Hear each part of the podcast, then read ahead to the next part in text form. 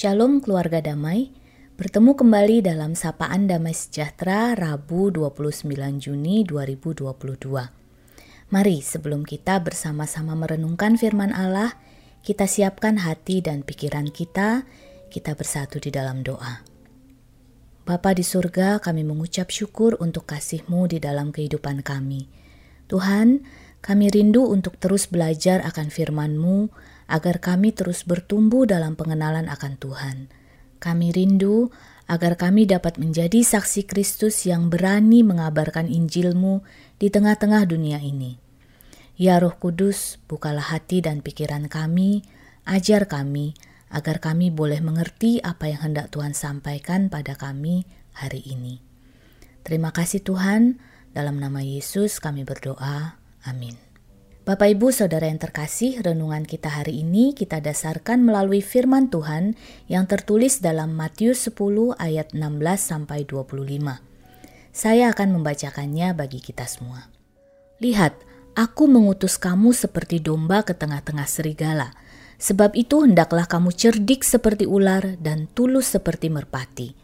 Tetapi waspadalah terhadap semua orang, karena ada yang akan menyerahkan kamu kepada majelis agama, dan mereka akan menyesah kamu di rumah ibadatnya. Dan karena aku, kamu akan digiring ke muka penguasa-penguasa dan raja-raja, sebagai suatu kesaksian bagi mereka dan bagi orang-orang yang tidak mengenal Allah.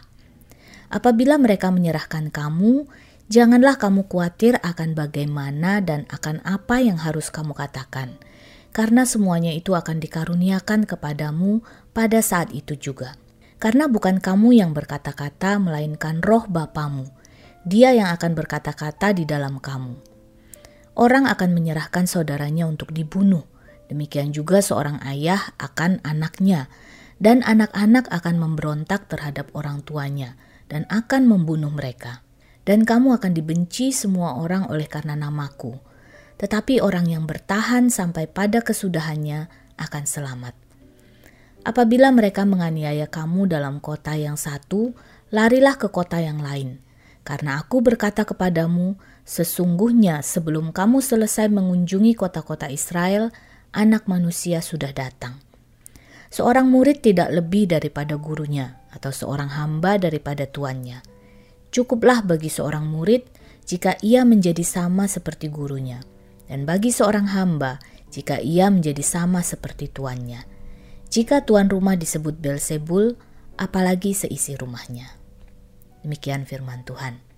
Keluarga damai yang terkasih, ketika Yesus mengutus kita untuk mengabarkan Injil di tengah-tengah dunia ini, kita dikatakan seperti domba yang diutus ke tengah-tengah serigala. Ini berarti bahwa ketika kita mengambil komitmen untuk menjadi pengikut Kristus dan siap memikul tanggung jawab kita untuk mengabarkan Injil, kita harus siap untuk menghadapi perlakuan sebagaimana serigala memperlakukan domba. Kita harus siap menghadapi keadaan yang sulit dan bahkan berbahaya. Bapak Ibu yang terkasih, betul, sebagai pengikut Kristus, kita harus siap menderita, siap dianiaya karena iman kita. Kita harus berani melangkah ke tengah kawanan serigala itu, berani mengabarkan Injil di tengah-tengah dunia yang menentang Kristus. Dari bacaan kita hari ini ada tiga poin yang saya rindu untuk kita renungkan bersama. Yang pertama, mengapa domba? Mengapa Yesus berkata kita seperti domba? Domba dikenal sebagai hewan yang lemah, yang tidak dapat membela dirinya sendiri. Ia bukan jenis hewan yang dapat melawan atau mempertahankan dirinya ketika ada bahaya. Karena sifatnya yang lemah ini, domba memiliki ketergantungan yang tinggi terhadap gembalanya. Inilah sifat yang harus dimiliki oleh setiap orang Kristen. Kehidupan Kristen atau pengikut Kristus adalah suatu kehidupan yang sesungguhnya adalah mustahil untuk dapat dijalani. Mengapa saya katakan mustahil? Kekristenan mengharuskan kita untuk meninggalkan zona nyaman kita. Kita dituntut untuk berbeda dengan dunia.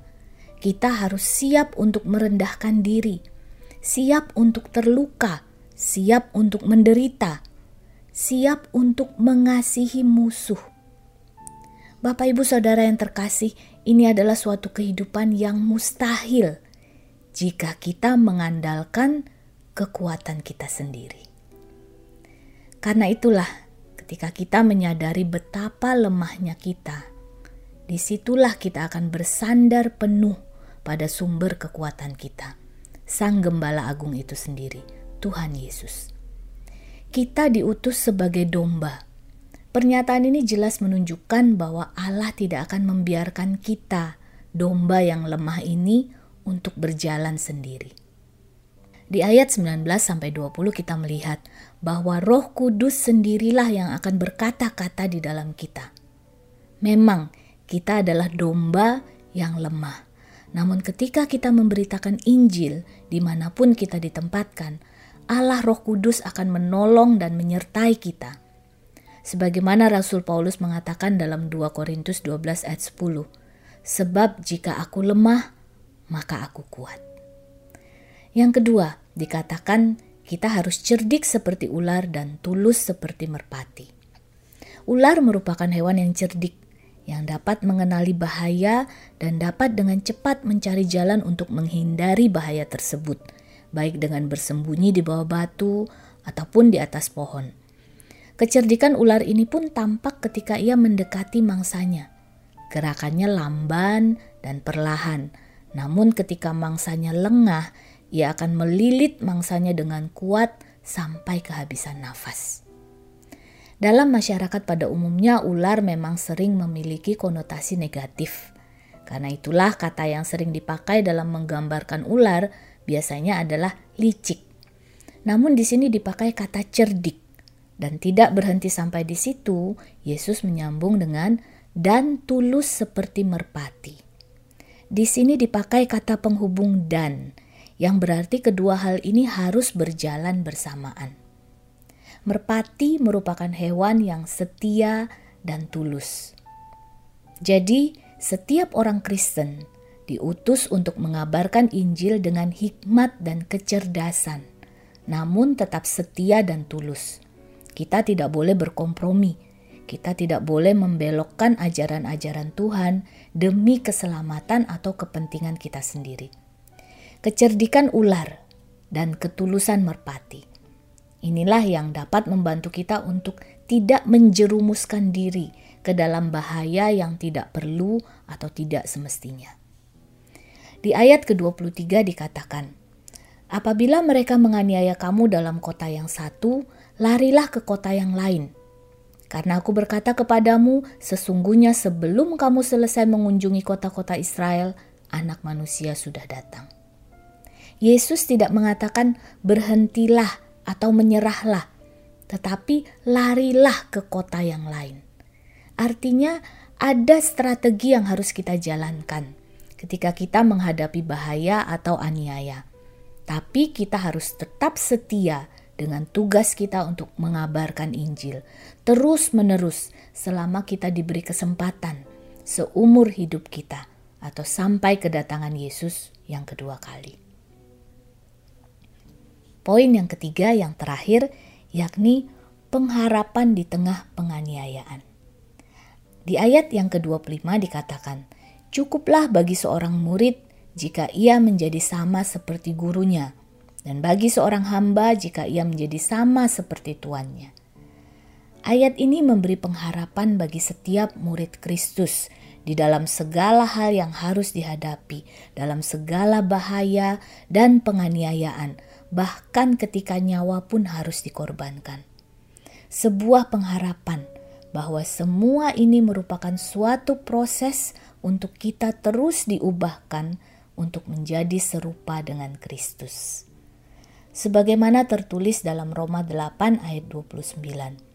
Sebab semua orang yang dipilihnya dari semula, mereka juga ditentukannya dari semula untuk menjadi serupa dengan gambaran anaknya, supaya ia, anaknya itu, menjadi yang sulung di antara banyak saudara.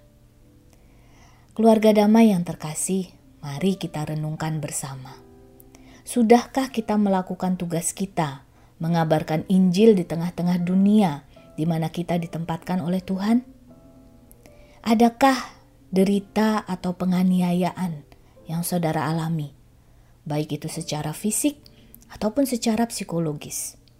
Bapak, ibu, saudara yang terkasih, hidup mengikut Yesus dan menjadi saksinya memang suatu hal yang penuh tantangan. Namun, bagaikan domba yang melekat pada Sang Gembala, mari kita terus melekat kepada Tuhan, agar kita terus dimampukan dan diberi hikmat untuk terus bersaksi baginya dalam segala keadaan, penderitaan, dan permasalahan, sambil terus berpegang pada pengharapan kita akan hidup yang kekal bersama Tuhan. Mari kita berdoa. Bapa di surga, kami bersyukur untuk firman hari ini. Engkau mengingatkan kami kembali akan panggilan kami.